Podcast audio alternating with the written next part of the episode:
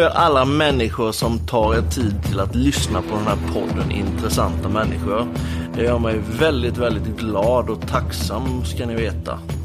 Jag hoppas att ni finner mina gäster vara intressanta och att de har någonting att förmedla. Det tycker jag i varje fall jag. Jag tycker det är jävligt bra folk jag får till podden och jag är extremt nöjd med det. Podden finns självklart även på Instagram och på Facebook och jag hoppas att ni följer den där såklart. Vill ni vara med och sponsra podden eller marknadsföra er själva eller slänga in lite reklam så går det självklart bra. Lite beroende på vad ni är för företag såklart. Men skriv ett PM på Facebook eller Instagram så löser vi det.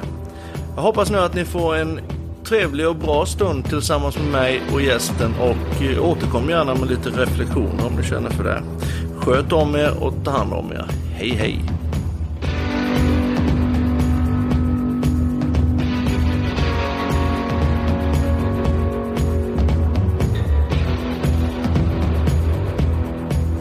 Välkommen hit Caroline! Tack så mycket! Hur är läget idag? Nere i Skåne tillhör ni va? Ja, precis. Läget är väldigt bra. Det är regnigt. Tyvärr så hade vi ju längtat efter att ha snö hela december, men den försvann nu. Vi hade ju turen i Skåne för tidig snö. Ja, ni men, har längtat äh... efter det i varje fall. Här har vi inte, jag har i alla fall inte längtat efter det kan jag lova. ja, vi tycker ju om det. Det är så sällan vi får det i Skåne så vi var lyckliga. Men det kommer väl tillbaka, det får vi hoppas. Ja, men det gör det säkert. Det gör det säkert. Ja. ja. Du Caroline, eh, mm. vi kan väl ta lite från början. Eh, vem, vem är du? Vem är jag? Jag är en eh, kvinna på 50. Jag har precis fyllt 50 och är dansk i grunden, det kanske man hör på min, eh, på min brytning. Jag har bott i Sverige sedan 98, så jag känner mig ju ganska så, så svensk. Ehm, jag har barn här i Sverige och eh, jag jobbar inom fordonsbranschen. Det är där du och jag känner varandra affärsmässigt. Men, eh, och då har vi, min privata historia också kommit upp ehm, i samband med det. Och då är det kul att jag får vara med i din podd här. Ja, verkligen, verkligen. Ja. Eh, du mm. har ju gått igenom en livsförändring som är eh, ganska ovanlig skulle man väl kunna säga. Ja, det kan man säga. Du, ja. du föddes i Danmark och är uppvuxen i Danmark va? Mm, precis. Eh, när jag var väldigt ung så träffade jag min, eh, min första man som var från Sverige. Och eh, vi, vi började med att eh, bo i, i Köpenhamn några år och sen eh, flyttade vi Sen bodde vi i Italien några år och sen slutade vi med eh, att, eh, att bo i Sverige när vi fick barn. Men eh, och det är klart, det är ju kanske inte helt ovanligt att eh, man gifter sig med en från andra sidan sundet och flyttar fram och tillbaka så inom Europa. Men det som, eh, som jag har upplevt som Joa får förunnat det är att starta om från noll fullständigt när man är 48 år gammal. Att på något sätt eh, resetta hela ens ja. liv och tillvaro med allt som det innebär. Både med eh, det sociala umgänge och värderingar, arbetsliv, eh, familj, eh, mm. äktenskap. Allt eh, blev resetat för mig i mars eh, 2018. På en månad hände allting.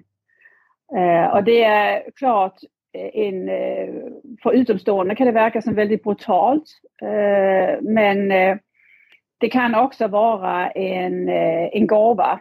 Men jag tror vi ska kanske förklara lite mer så folk förstår vad det är som, som kan hända ja. när man resetar. Ja precis, precis. Jag, jag, jag, tänkte på det också. Eh, vad var det då egentligen för någonting som gjorde att du var tvungen att resetta livet?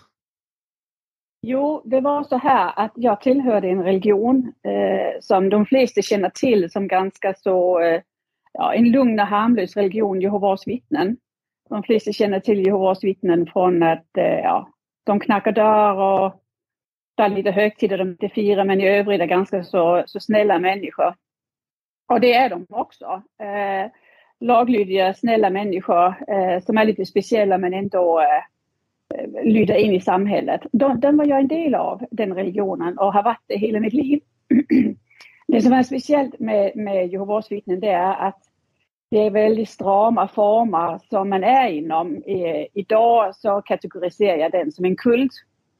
Men det gjorde jag inte när jag var i den för det var aldrig någon själv som var med i en kult. Det var alltid någon annan som var med i en kult. Mm. Eh, och därför har man inte så öppna ögon när man själv är i det. Men det är väldigt intressant eh, nu att definiera det jag var med i, i och med att jag har andra ögon att se det på. Det som mm. händer när man är ett Jehovas vittne, jag växte upp som ett Jehovas vittnen, det är att du redan i väldigt tidig ålder separerar dig från det vanliga samhället. Eh, man växer upp med att, var, att man lever i världen men är inte en del av världen. Det vill säga barnen går i skola, eh, man har några fritidsaktiviteter men man involverar sig aldrig fullt ut i det. Så dina närmaste vänner när du är barn är inom samma religion, barn i samma ålder i samma religion, och man har samma värderingar. Eh, de närmaste vännerna man växer upp sen och, och blir vuxen kommer inte vara på arbetet. Eh, det kommer vara i religionen. Så du bygger ett samhälle i ett samhälle. Man använder också formuleringar som tydliggör den här skillnaden. Du pratar om vännerna och vännerna det är, eh, det vet alla, det är de som är Jehovas vittnen. Och de utanför är de världsliga. Man pratar om sanningen, man pratar inte om att man tillhör en religion, man pratar om att man tillhör sanningen. Och för ett barn så blir det väldigt tydligt om, om vi har sanningen här, ja men då är det andra ju det motsatta som de ja. andra har. Så mm. du, i väldigt tidig ålder så definieras du genom eh, ordval. Eh, man har ett eh, man, man har ett brödraskap man kallar sig brödrar systrar inom församlingen och det gör man ju definitivt inte med dem utanför. Det är också för att, eh, att ge ett tecken på det här tajta familjeband man har inom den här rörelsen. Ja. Så på det sättet har jag växt upp. Eh, jag har aldrig varit utsatt för några, eh, vad ska man säga, otäckheter inom religionen. Det har varit en väldigt trygg plats. Det har varit vänner och det har varit bröder och systrar. Och det har varit lite bullybumpa aktig, eller så det är lite, vad ska man säga, barnen i Bullerby över det eh, ja, i ja. församlingen för att man har ett väldigt stort socialt nätverk och ett väldigt trygghet omkring sig som barn, många vuxna omkring dig. Men ja. samtidigt är det ju också helt isolerat till det regelverk. För att när du växer upp med detta här, den här tryggheten, samtidigt har du också några ramar som bestämmer om man får vara med i den tryggheten eller inte i den tryggheten. Så det är inte så att ja men vi älskar dig, du är Caroline eller det är klart, vi, vi vet vem du är, utan du har några ramar och några regler du ska följa. Ja. Och, det, och följer du inte dem, då kan du bli utesluten. Och, eh, och det är inte bara en religiös uteslutning de utsätter medlemmarna för, utan det är en religiös och social uteslutning. Och det betyder att alla band skärs till din, eh, ja, alla band skärs in till de du har och känner i församlingen. Eh, och, och, det är ju ett hot man går över sig hela tiden. Att, eh, att lever inte jag upp till detta här då kan jag uteslutas och då förlorar jag allt. Om man då tar med i betraktande att du har byggt alla dina sociala nätverk inom församlingen, för det är ju där sanningen är, det är där du har dina bröder och systrar, det är där vännerna är. Då har du ju ingenting att falla tillbaka på utanför församlingen ifall det skärs. Så du har ju, eh, du har ju mycket kärlek men du har också en, en skärseld på andra sidan. Och det, du kan ju bli utesluten för många saker. Du röker, eh, sex före äktenskap, Eh, man firar så ifall, ifall, du, ifall du som tonåring alltså går och tjuvröker exempelvis och du är någon som ja. kommer på dig, blir du utesluten då? Ja, det kan du bli. Det är en hel procedur som, eh, som händer om, eh, om om du blir påtagen eller om någon säger det. Eller ofta som Jehovas vittne så kan du själv säga det. För du har en, en, en tro på att det här det är, det är en, en gudagiven organisation. Det här det är gudomligt. Och de här äldsta bröderna som eh, finns i församlingen som, som tar hand om de här ärenden, de är eh, i direkt kontakt med Gud. Så om, ja. om du har begått en synd så eh, kan du störa friden i församlingen. Det lär man sig mycket om någon i församlingen eh, begår en synd i hemlighet ja. har man sex äktenskap eller rök eller vad det är, då kan Gud ta bort andan från församlingen. Och det betyder att församlingen är inte lika välsignad längre. Och därmed har du ju en dubbel skuld på dig. Både du gör någonting som är fel men också att det är ditt fel att församlingen inte går framåt eller det är ett störande element i församlingen. Därför Gud ser att det är någonting som är fel. Så du har ju också du har ju ett stort inre press på att vara ärlig hela tiden. Att jag vill ju inte vara skuld i att friden ska tas bort från församlingen. Och Gud ser allting, det lär du också som från det du är barn. Att, att Gud ser allting, Gud läser dina tankar. Så eh, även om ingen annan människa ser det så ser Gud det. Och, eh, och Gud vill man ju inte vara ovänner med. Och sanningen kommer alltid fram förr eller sen. Så ja. det är ju på ena det är ett väldigt tvådelat sätt att växa upp och det är ett samhälle som jag tror att de flesta i Sverige kanske inte riktigt kan begripa sig på. Men, men om du har växt upp med det från barn så är det det mest naturliga i hela världen att man har en, en, den här lojalitetskänslan mot eh, församlingen. Ja. Så, och i församlingen är det då inte präster utan det finns äldstebröder. Och ja. det, är, det är ett ganska så patriarkalskt samhälle var bara männen får möjlighet att avancera och bli undervisare. Ja. Eh, så kvinnan ska tiga i församlingen. Och mm. därför så är det bröder, eh, som man kallar det, äldste bröder som eh, man går till ifall man har begått en synd. Och så kan man börja med att gå till en äldste broder och säga jag har tjuvrökt eller firat jul eller vad det är. Och så pratar den här äldste brodern med dig och ja det kan vara allvarligt och har du ångrat dig? Ja jag har ångrat det men jag gjorde det två gånger. Oj då, det visar kanske du inte ångrade när du rökte två gånger. Um, då får vi nog tillkalla en kommitté och så blir det en kommitté tillkallad till tre bröder som pratar med dig och så inleder man med bön och man går igenom några skriftställen och då ska de värdera om du har ångrat dig eller inte ångrat dig. Det finns en hel manual de går efter, det som man kallar i folkmun, i församlingen kallar man den äldste boken. Det är en manual som går efter. Och, och anser de då att nej men det är inte tecken på att den här personen har ångrat sig, då blir man utesluten. Och då blir det läst upp i församlingen. Eh, och då, eh, från den dag det är läst upp, då får ingen prata med dig längre. Då är du, du som, eh, du finns inte mer. Det är inte ens att man är död, för om man är död, man pratar om de döda, utan man pratar inte ens om dig. Du är icke-existerande, du är som om de aldrig har känt dig. Mm. så är det från ena dagen till andra dagen. Eh, och det hände mig när jag var 48 år gammal. Eh, så nu kanske lyssnarna kan förstå lite om ja. eh, det, det här brutala som händer och det händer väldigt fort. Eh, ofta om, om du är ungdom och begår en, en synd, eh, då är det då tar det väldigt stora proportioner. Eh, och det är, väldigt, det är väldigt våldsamt att bli separerad från din familj när du är 18, 19, 20 år. Bor du hemma kan du få bo kvar hemma men är du inte hemmaboende då blir alla band skurna till dig. Och det är, det är fruktansvärt och det driver vissa till självmord.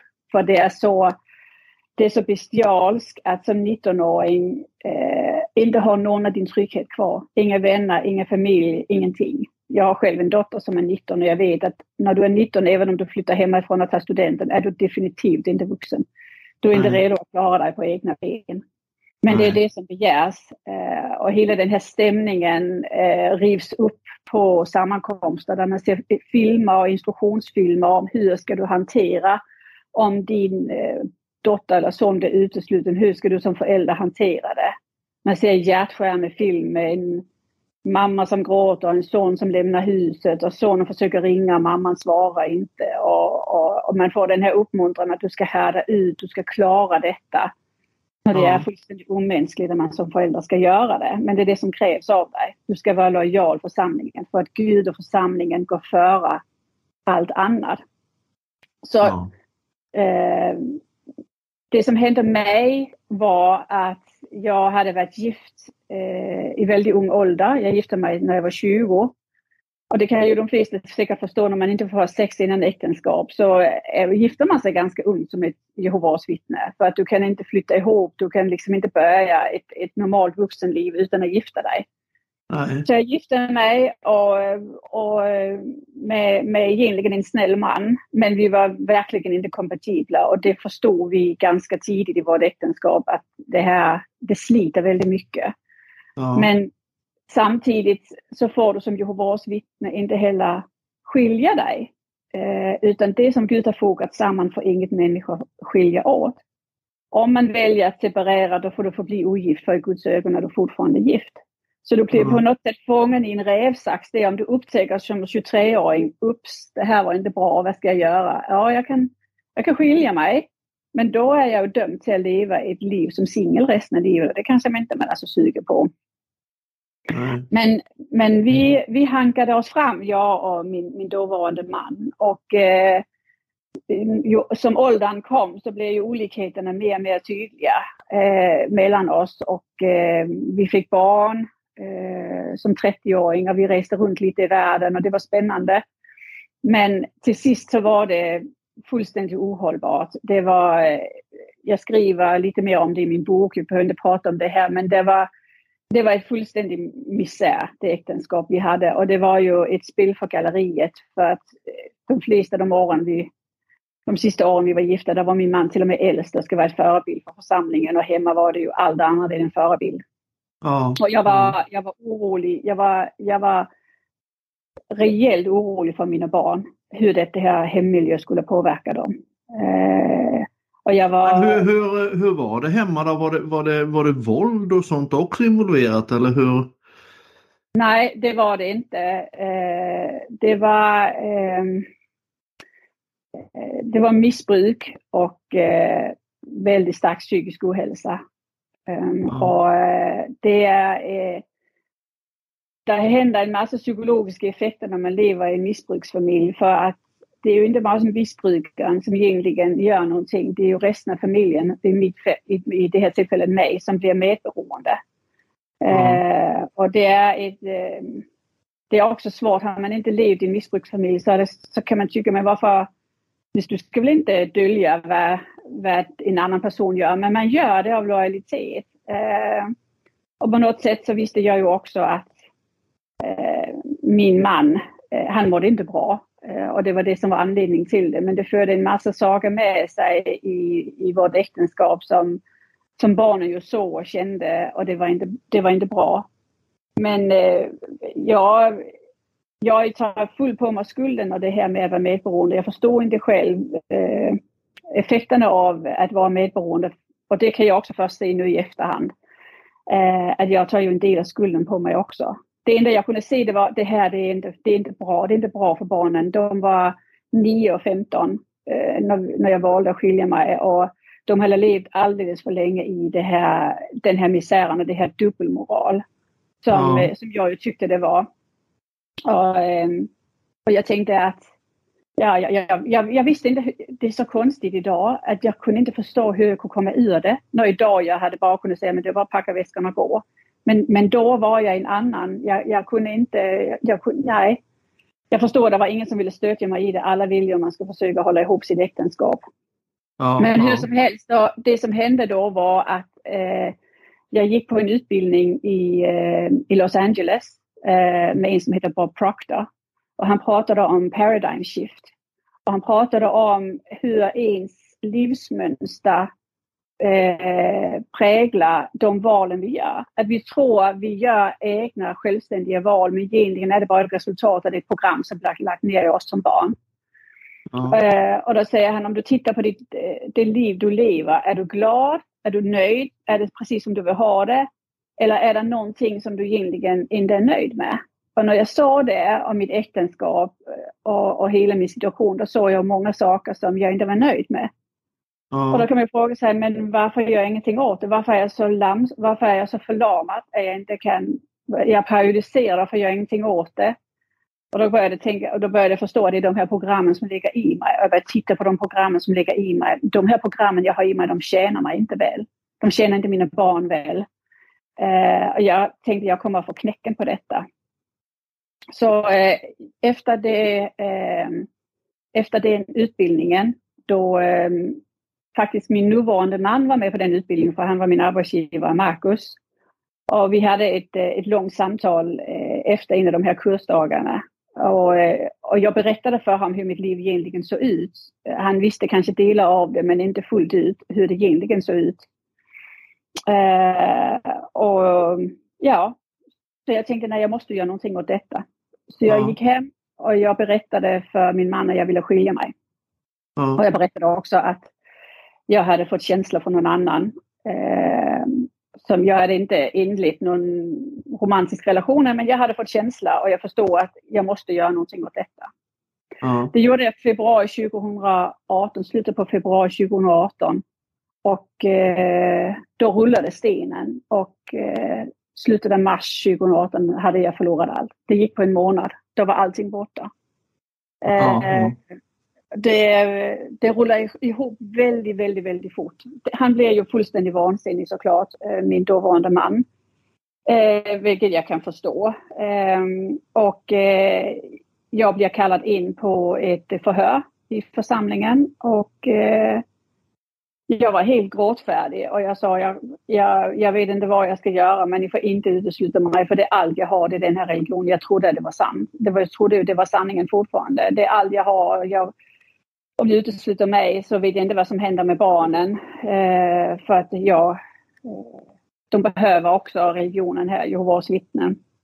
Och jag grät och jag grät och jag grät. Och ni måste förstå att jag, jag ångrar mig. Jag, jag det kommer inte bli någonting mellan mig och Markus, det trodde jag inte då. Eh, jag trodde bara det var en tillfällig känsla av förvirring jag hade för att jag ville skilja mig.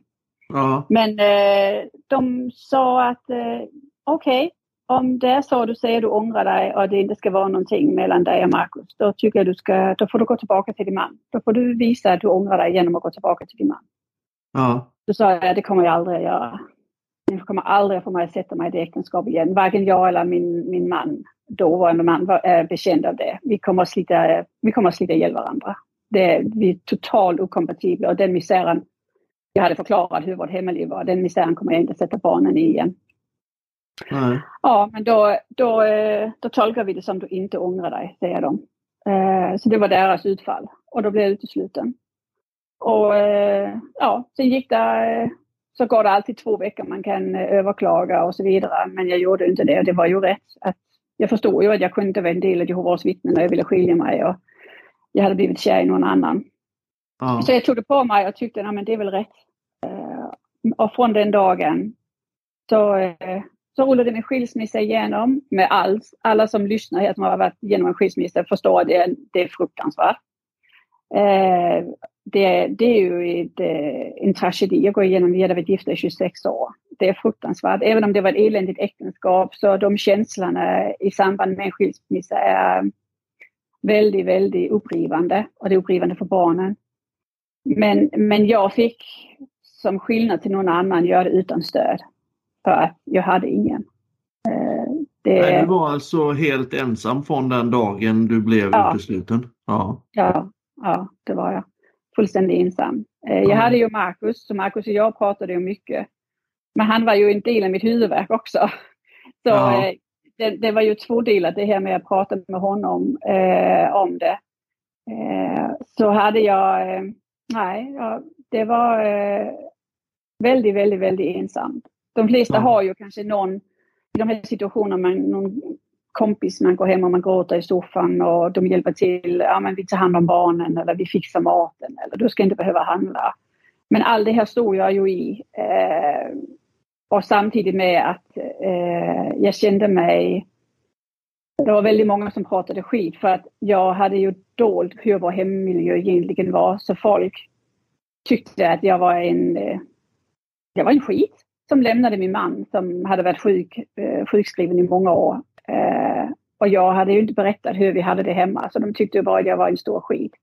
Som lämnade min man och var kär i någon annan så jag kunde gott ha det. Och det är ju det som var problemet också i de här situationerna att det blir aldrig en, det blir aldrig en jämn fördelning av berättelsen utan min röst, min mick stängs ner och så är det bara den andra micken som hörs. Och man vet ju i en skilsmässa med mycket känsla så, så blir ju en fjäder lätt till tio höns också.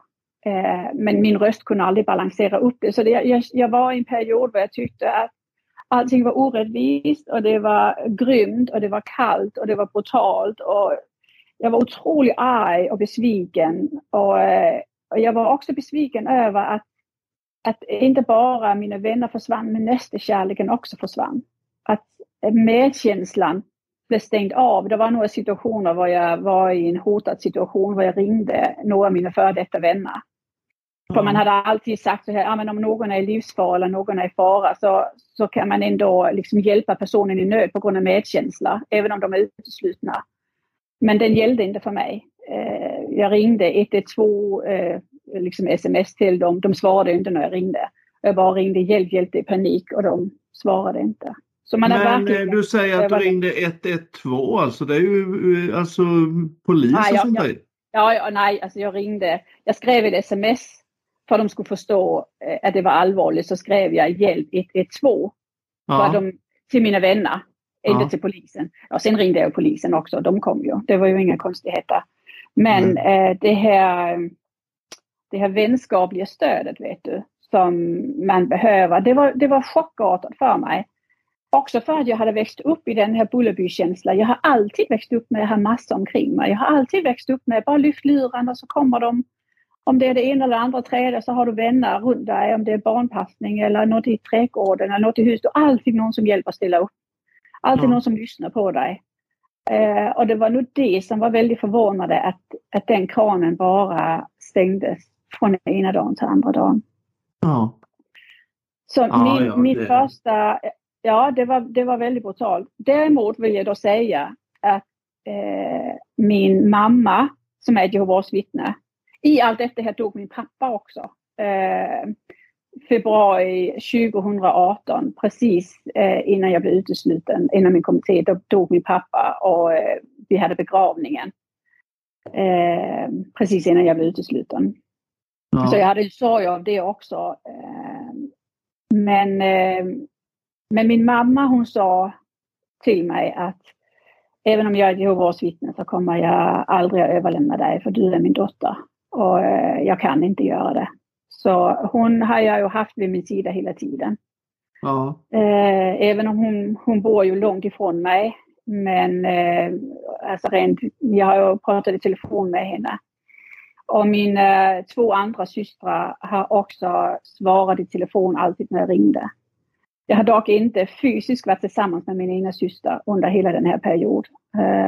Min andra syster har efter ett tag sett det absurda i situationen och valt att vara min syster och agera som min syster även om hon också är ett Jehovas vittne. Ja. Så det finns ju ljusglimtar i mörkret i detta här. Uh, men, men de blir ju shameade för det. Mm. Så man kan säga att det är många andra uteslutna Jehovas vittnen som har det långt värre än vad jag har det. I och med att jag har både min mamma och min syster. Mm. Eh, men eh, jag saknar ju oerhört eh, många i min familj. Vi var en väldigt tajt familj. En stor familj Jehovas vittnen. Som eh, har väldigt starka familjeband och de har jag inte sett sedan jag blev utesluten. Men saknar, saknar du verkligen sådana människor menar du som har gett upp dig? Saknar du dem verkligen eller saknar du själva gemenskapen på så sätt att du saknar vännerna? Eller för jag menar de som har de som väljer att inte ha kontakt med dig, är det människor som du saknar tänker du eller hur? Ja, det är ju det också som är lite klurigt för att de är ju snälla människor. Det är ju ingen av dem som har något ont i sig.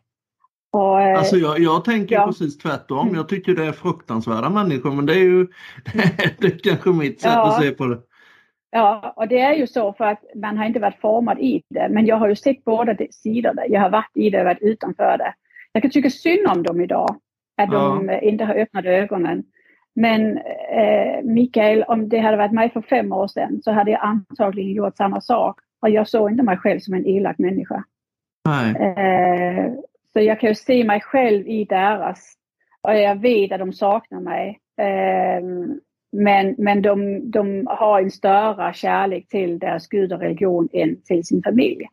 Ja. Så jag tror det är för att jag kan se mig själv i det också. Att jag var så, jag var så inne i det, jag var så trogen och jag var helt övertygad om att det här var sanningen. Och den förblindar, religion gör ju, den förblindar verkligen. och man ja. ser inte de andra bitarna. Men det är också till stor smärta för dem. För att de har ju ett hjärta. Och det, de gör det för att de tror det är det bästa. De tror att men det är det här sättet vi kan få Caroline tillbaka till den sanna religionen. Det är genom att, att vi håller på detta här och så kommer hon att längta så mycket efter oss som kommer tillbaka. Så det är också ett utpressningsmedel. Mm. Men som jag ser det är det ju inte min familj som är skurkarna utan för mig är skurkarna ju eh, ramverket som tillåter människor gå igenom detta här eh, onda, eh, det här ja, brutala sättet att behandla medmänniskor på. Mm. Så ja, jag kan sakna dem definitivt. Eh, och jag älskar dem fortfarande. Eh, men jag kan inte... Jag, hade, jag tänkte länge på att det första året jag var utesluten, då ville jag bara tillbaka och, och bli Jehovas vittne igen för jag trodde det var sant och gudomligt. Så då finns det en procedur för att göra det. Man, man går på alla möten. Ingen som får prata med dig. Du kommer att sitta längst ner. Eventuellt kan du bli anvisad din plats av en av de äldsta bröderna men ingen annan får prata med dig. Eh, och där satt jag under ett helt år. Och jag ansökte tre gånger om att få bli Jehovas vittne igen. Jag blev nekad varje gång. Eh, de tyckte det var för tidigt och, och så vidare. Och, och då eh, var det något som en klocka som gick upp för mig efter ett år, jag hade ansökt tre gånger, att det här, hur kan de veta att jag inte har ångrat mig? De har inte pratat med mig, de har ser inte mitt liv, de har ingenting med mig att göra. Och hur kan de veta att det är för tidigt när de inte har något samtal med mig? De vet inte vilka processer jag har gått igenom. De vet inte hur mitt liv ser ut. Uh, och då tänkte jag, om det var gudomligt, ja men då, då måste de ju ändå ha någon typ av medkänsla uh, för det livet jag lever. Men det var väldigt kallt. Och då upptäckte jag också att det som jag trodde, den, när man är en religion, då har du en bild av det. Men i och med att jag aldrig hade varit äldst eller förordnad, i och med att jag var kvinna, så hade jag en ganska begränsad bild av hur organisationen egentligen var. Och många saker jag hade upptäckt som, men det här har jag aldrig hört. Som till exempel att man blir utesluten mot sin vilja. Det har, man, det har jag alltid lärt mig. Nej, men ingen blir utesluten mot sin vilja. Vill du verkligen och, och ångrar du dig och vill du vara ett Jehovas vittne så får du hjälp av äldstebröderna, ingen uteslutning. Och det var ju inte det som hände mig. Utan det var ju bara utav kraften. Var det för att du var kvinna tror du? Mycket möjligt, för jag är ju lite naiv. I och med att jag inte har hela bilden så kan jag inte spela det spelet. Eh, och jag var ju vad, hade hänt, vad hade hänt om din man, till, han du var gift med, och vad hade hänt om ifall det var han som hade velat uh, skilja sig? Ja, jag, han, eh, han hade ju den fördelen när han visste hur han skulle säga sina ord. För han har varit äldst i många år själv. Så han vet ju exakt vad man ska säga, vad man inte ska säga. Eh, så, men Markus var ju Jehovas vittne också. Han var ju äldst och han blev utesluten för han var kär i mig och ville skilja sig. Så det var ju samma för honom. Eh, men han gick in och sa eh, på, på mötet, ni, liksom, ni kan lika gärna bara utesluta mig för det här det är något det som jag har gjort. Så han var väldigt ärlig när han kom in. Ja. Men, eh, men är han... Jag vet ju många som, som vet exakt hur de ska väga sina ord och vad de ska säga och vad de inte ska säga. Eh, för att man kan regelboken. Men jag visste ju inte vad regelboken sa. Jag trodde bara ärlighet och öppenhet var det som räckte. Men, men hur som helst, efter ett år och jag hade försökt att, att bli återupptagen, då var det som om jag sa, men det här är ju inte gudomligt, det här är ju konstigt. Så här trodde jag inte det skulle vara. Och då, eh, då beslutade Markus och jag och jag slag i saken att nu får vi bara bestämma oss för, ska det vara oss? Ska det inte vara oss? Och vad ska vi göra i så fall? Och då bestämde vi oss för att att eh, vi skulle, det skulle bli oss. Och då började vi vårt liv. Så man kan säga först egentligen mars 2019 efter ett år av eh, fullständig koma. Då började jag ta tag i mitt liv på riktigt. Och då, mm. då började det gå fort. För det som jag har lärt mig det är ju att när du bestämmer dig för vad du vill ja men då kan också, man kan säga, då kan universum konspirera för att hjälpa dig. Då är det som om, då har jag lagt en beställning, det här vill jag. Och, eh, och då började jag att, eh, att leva efter det. Vad ville jag ha? Jag ville ha ett liv med Marcus. Eh, vi hade en, en, några mål omkring vår, vår företag. Vi, vi startade företag tillsammans, vi utvecklade produkter tillsammans. Ehm, vi hittade lokaler där vi kunde ha vår verksamhet. Så det, liksom, livet började rulla plötsligt i och med att vi visste vad vi ville. Och vi sa att det här med Jehovas vittnen, det, vi får lägga det åt sidan. Vi hade kanske inte helt avskrivit det än, men vi lägger det åt sidan så länge. Ja. Och vi började utbilda oss också i, inom personlig utveckling och eh, jag började lära mig de här processerna som gör vad är en kult, vad är en sekt, vad är det egentligen för, för mönster som är ett gruppbeteende. Och det är också därför jag kan säga att det inte är elaka människor. Det är helt enkelt en grupppsykologi som träder i kraft. Och den grupppsykologi verkar inom många olika religioner, inte bara Jehovas vittnen. Eh, och, och därför så kan jag också förlåta dem. Jag är inte arg på dem för det är helt enkelt bara en grupppsykologi som, som träder i kraft. Man vill vara med i gruppen, man är rädd att förlora det man har. Och så är det någon som fryses ut. Ja. Ehm, nu var det jag i det här tillfället. Ehm, så vi började med att, att vända livet. Istället för det är väldigt lätt när man hamnar i det här och sen speciellt om Markus och jag skulle starta vårt liv tillsammans som har varit med samma, samma upplevelse. Han har också förlorat allting. Eh, då är det väldigt lätt att man, man begraver sig i bitterhet. Man är ilsken, man är arg, man går upp emot, man motarbetar. Eh, för du är så, eh, du är så eh, besviken på dina nära och kära. Och det kommer ju att, att driva dig åt ett visst håll om du drivs av de egenskaperna. Men om nu vi tittar på vad vi vill, då måste vi försöka ersätta de vibrationerna med någonting annat. Och då började vi läsa om, eh, om eh, attraktionslagen. Hur funkar attraktionslagen? Hur får vi mer av det in i livet som vi vill ha? Och i attraktionslagen förklaras ju att allting matchar med varandra. Titta på de människor du har runt omkring dig. Det, det, är människor du har dragit till dig. Är det människor du inte vill ha? Är det människor du vill ha? Om inte det är människor du vill ha, men ersätt dem med någon du vill ha. Men då måste du matcha det själv. Så om man vill ha glada, positivt sprudlande, energiska människor i sitt liv, då måste jag matcha det själv. Och då finns det mm. olika tekniker för att komma upp i de vibrationerna. Ja, det gjorde vi helt medvetet. Vi började med daglig tacksamhet. Det gör vi fortfarande. Ja. Eh, vi, eh, daglig meditation gör vi också för att stilla sinnet och gå inåt. Det är så lätt att man säger att alla lösningar finns utanför mig. Det finns här, det finns där, men det gör det inte. Det finns inom oss. Eh, vi, vi gick på eh, Tony Robbins och eh, på två av hans utbildningar, UPV i London, eh, Unleash the Power Within. Som mm. ju är eh, tekniker för att hitta din egen styrka och, och vad, hur pushar du dina gränser? Hur gör du det som är obekvämt? Hur kan jag gå ut på gatan och vara glad om jag känner mig som skit? Hur kan jag gå ut på gatan och smila om inte jag känner för att göra det? Men om jag gör det och börjar att, att liksom tvinga de här vibrationerna in i mitt liv, vad händer då? Och det lär man sig på de här kurserna. De är otroligt äh, kraftfulla. Ja. Och så har han olika övningar man gör för att testa sina gränser. En väldigt känd är ju att man går på glödande kol. Ja. Um, och det är, um, det är väldigt kraftfullt för en själv att överskrida en begränsning. Du ser andra göra det men du tvekar själv inför det. Men när du gör det så känner du att the sky is the limit, du kan göra allt. Jag har jag övervunnit mig själv att göra detta så kan jag göra allt möjligt. Så det som han gör när man går på glödande kol är ju en enkel metafor helt enkelt för att visa att det är bara du som sätter upp dina begränsningar. Om du mm. tror du inte kan göra det, okej, okay, nej, då kan du inte göra det. Men tror du du kan göra det, ja men då kan du göra det. Och det är en sån kraft att, att plötsligt få lära sig att jag är inget offer. Eh, jag, jag kan få precis det livet jag vill ha. Så, men, eh, eh, men, men, men jag tror inte jag kan gå på glödande kol. Men nästa gång Marcus och du och jag träffas så får vi, får vi, får vi göra ett test. Ställer vi upp lite värmeljus och så går vi över det.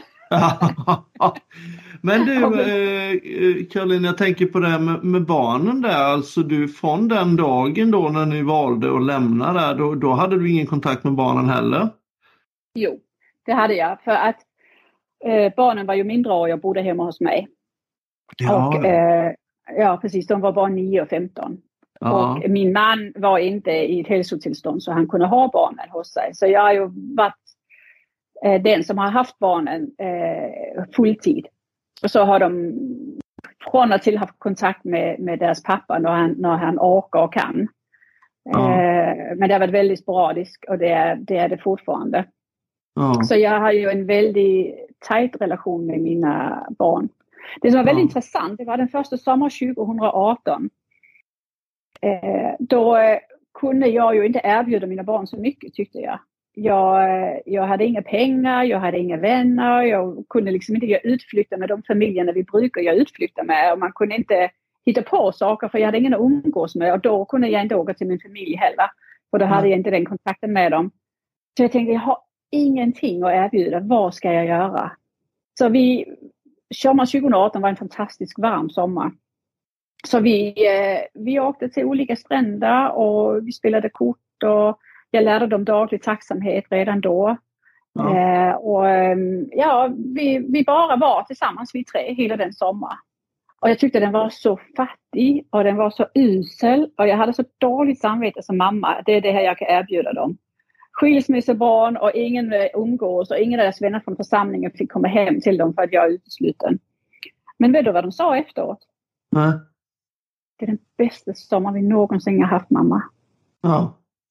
För de fick ha sin mamma för sig själv. Ja, ja jag förstår. Och det ja, var, det... Då gick det upp för mig så mycket tid församlingen hade tagit för mig. För att det är ett enormt social gemenskap men det är också en tidslugare.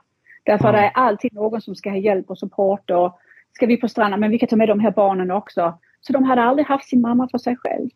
Nej. Det var helt fantastiskt. Jag tänkte wow.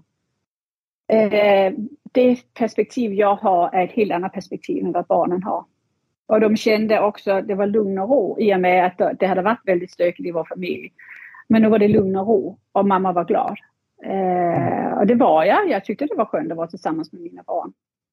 Men jag har ju använt mycket tid på att lära dem de här teknikerna som jag har lärt mig. Eh, med att vända och se det positiva i alla situationer och också se eh, det goda i alla människor en människa kan göra någonting ont mot dig, eller du uppfattar det som ont, men den människan kan se det som kärlek.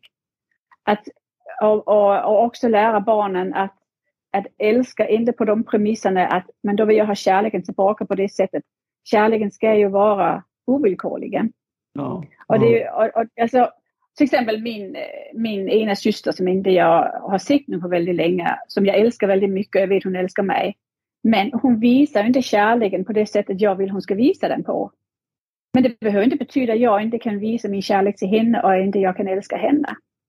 Så det, det är ju en konst att lära sig att älska ovillkorligen. Att älska ovillkorligen betyder jag älskar dig. Punkt slut. Jag älskar dig för den människa du är. Jag älskar dig för alla de upplevelser vi har haft tillsammans. Jag älskar dig för all den potential som finns i dig jag älskar dig för att du har ett, ett underbart liv med en man och barn och så vidare. Man kan älska människor utan att de gör det på mina villkor.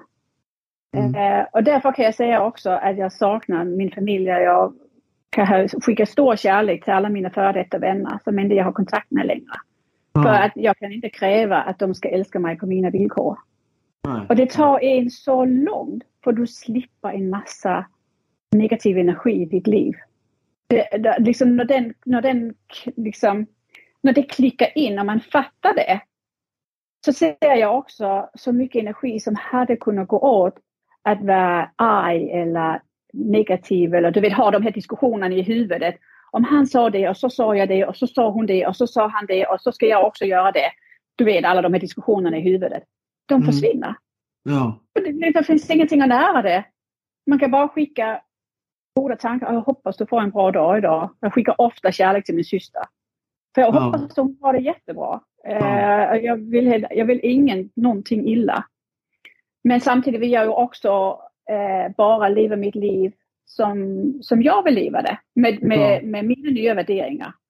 Och jag tycker att de värderingarna är rikare i och med att jag inte delar in människor. Jag delar inte in människor längre i vänner eller världsliga. Jag delar inte in dem i att jag har sanningen, alltså har du inte sanningen. Eller i bröder, systrar och andra. Utan jag ser min medmänniska för vem de är. Och är det en match i min energi, ja men då kommer vi säkert att utveckla en relation.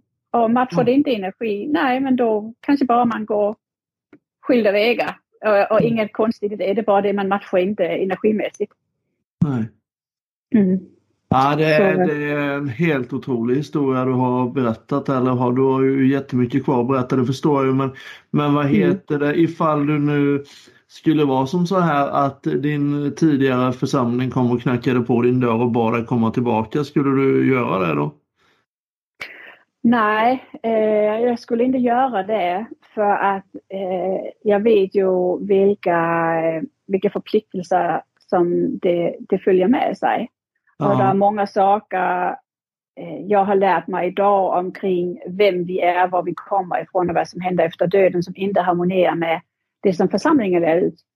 Så ja. jag, kan inte, jag kan inte gå med i någonting som inte jag tror helhjärtat på. När jag var Jehovas vittne, då var jag 200 procent Jehovas vittne. Det är ja. liksom, eh, jag, jag, jag är så som person, jag är allt eller inget. Och det är jag också med mina företag. Liksom, tror jag på mina produkter, då är det liksom 200 procent. Jag kan inte sälja någonting eller utveckla någonting jag inte tror på själv. Och så mm. är det också med en religion. Eh, så jag hade ju sagt eh, tack men nej tack, men jag skickar kärlek till dem och jag önskar dem ett bra liv. Ja. ja. Absolut. Eh, jag är inte ute efter eld över någon eller bränn, brinna någon. Men där, där finns ju ett, ett stort nätverk inom ex-Jehovas vittnen. För att många som kommer ut på andra sidan är väldigt är vilsna och ensamma och ledsna. Och, ja. eh, och det engagerar jag mig ju i. Och, det kan vara telefonsamtal, eh, det kan bara vara någon som behöver att, att prata med någon för att många eh, som kommer ut på andra sidan så kanske man skaffar sig nya vänner. Man kanske mm. flyttar ihop med någon som, som inte har erfarenhet av Jehovas vittnen och så delar du med dig och säger berätta hur det är att vara utesluten och, och de kan inte förhålla sig till det för de säger ja, ja det måste vara jobbigt. Men de kan inte riktigt förstå för de har aldrig provat den här totala levande begravningen man är med om.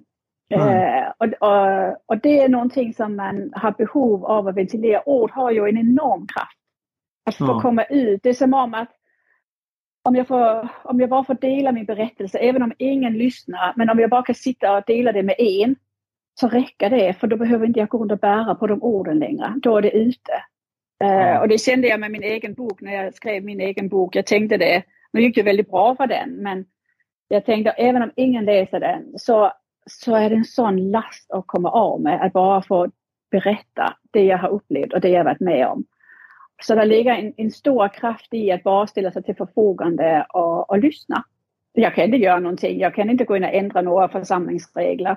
Och det är inte heller det de behöver. De behöver vara någon som kan förstå. Jag förstår det här jobbigt. Jag förstår du saknar din mamma och pappa. Jag förstår du saknar dina syskon. För jag ja. förstår det på riktigt. Jag förstår vilken smärta det är. Ja. Och då kan det räcka så. Ja. Så det, det är jag ganska så engagerad i. Ja, mm. den här boken du har skrivit, eh, vad heter den? Mm. Unorthodox. How, uh, how to become the leader of your own life. Mm. Och den, den är baserad på min berättelse, det jag har varit med om. För det är ju inte många som i den ålder jag hade 48 år plötsligt vände om upp och ner på hela sitt liv. Men jag ger tekniker i den boken hur, hur jag har gjort det med hjälp av bara mig själv. Så ja. jag tagit utgångspunkt i egenskaper som vi alla har. Eh, som, som man kan använda till sitt eget bästa du kan också vända det till, till eh, alltså man kan, det är alltid det är tvådelat mynt. Man säger yin och yang. Eh, där finns det svarta och det vita men du kan vända och se vilken, vilken sida du vill se på det. Ja. Som till exempel positivitet. Jag har, det är en gåva jag har. Jag ser positivt på allting. Men det kan också vara en förbannelse för du kan bli så arg över att andra inte ser detsamma. Ja. Så, så hur, hur väljer du bara att se det ljusa av dina egna egenskaper? Och så delar jag tekniker som man kan använda helt, inga, som inte kostar någonting, helt enkla tekniker. Hur man använder ja. språket, hur man väljer underhållning, hur man, hur man på ett effektivt sätt gör daglig tacksamhet, enkla meditationer för att hitta friden inom sig. För att sova gott på natten. Det är väldigt viktigt när man går igenom en livskris, att man kan få sova på natten. Ja. Eh, sådana bitar som alla har till förfogande och har man inte det själv eller inte vill använda det jag har i boken så ger jag tips till eh, Youtube gratis eh, Youtube-länkar. Så det är ingenting som man behöver investera miljarder i eller miljoner i utan vill man inte gå på Tony Robbins som vi har gjort så finns alla teknikerna gratis på nätet eller i min bok. Men hur, hur får man då tag på dig nu ifall, ifall det är någon som sitter och lyssnar på det här som är väldigt... Alltså hur, hur kan man få tag på dig? Jo, man kan gå in på min sida som heter www.reject.com. Det är en liten presentation av mig själv och det är en plattform jag har gjort för personlig utveckling. Eh, och där finns min, mina kontaktuppgifter, min e-mail. Så då, har jag, eh, då kan man kontakta mig och då kan jag eh, Många, många kontaktar mig bara för att eh, fråga om olika tips till min bok. Eh, kanske behöver ytterligare förklaring. Jag har ett helt system som är byggt upp man kan säga att vi har gjort ett kvalitetssystem för livet eh, som är uppbyggt efter boken. Det finns också inne på, på architect.com.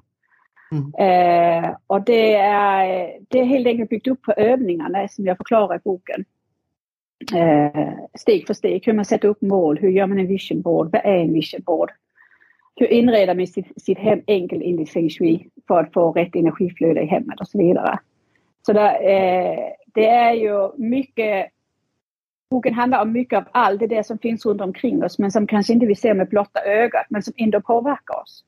Ja. Du vet när man går in i ett rum och någon har bråkat. De flesta av oss kan känna av, man säger, jag känner av det är dålig energi här. Det liksom hänger kvar i luften, den här dåliga energi. Ja. Och det är allt det som påverkar oss hela tiden men som vi inte kan sätta fingret på. Och har man inte helt förstått de här principerna, då kan jag inte förstå, men varför mår jag dåligt just nu? Eller varför känner jag mig ledsen? Eller usch, nej det här var inte roligt. Men jag förklarar lite i boken hur man kan, eh, hur kan, man, hur kan man hitta de här sakerna och hur kan man rätta till det. Ja. Ehm, med väldigt enkla tips och tricks. Ja. Mm. Ja, det är helt makalöst att hör, äh, lyssna på. Vi kommer ju garanterat att höras flera gånger här. Vi träffas ju i jobbet också Caroline och, och ja, din man Marcus. Så ja, jag, jag är fascinerad. Eh, eh, så jag ska så fort här nu efter arbetsdagens slut så ska jag sätta mig och klippa och fixa och lägga ut det här avsnittet för jag tycker det är jättestor tacksamhet för att du ville vara med i, i, i podden och berätta om din resa. Det är ju som sagt och jag hoppas ifall du själv känner det att vi kan även följa upp med en del två där när vi har mm. fått in lite frågor och lite sånt här på, på det här mm. avsnittet. Absolut, jag var väldigt, jag är väldigt glad att jag fick vara med här. Eh, jag vet ju att din podd är väldigt uppskattat. Det var roligt att jag fått dela med den. Det är också roligt att få prata med dig som jag egentligen bara har kontakt med via jobbet. Men ja. att, att vi kan beröra sådana här andra delar av livet också. Ja men det är väl jätte, jättespännande. Det är ju faktiskt, eh, ni gör ju en eh, fantastisk resa både i, eh, i vårt vanliga jobb och även i livet. Så ja. Ja, jag önskar verkligen all lycka i framtiden och kan jag hjälpa till att stötta eller göra någonting för oss så vet du att det är bara att höra av er. Ja men tack så mycket Mikael. Då får jag önska dig en väldigt trevlig dag nu. Detsamma detsamma. Sköt om dig. Ha det bra. Hej. Hej. Hej.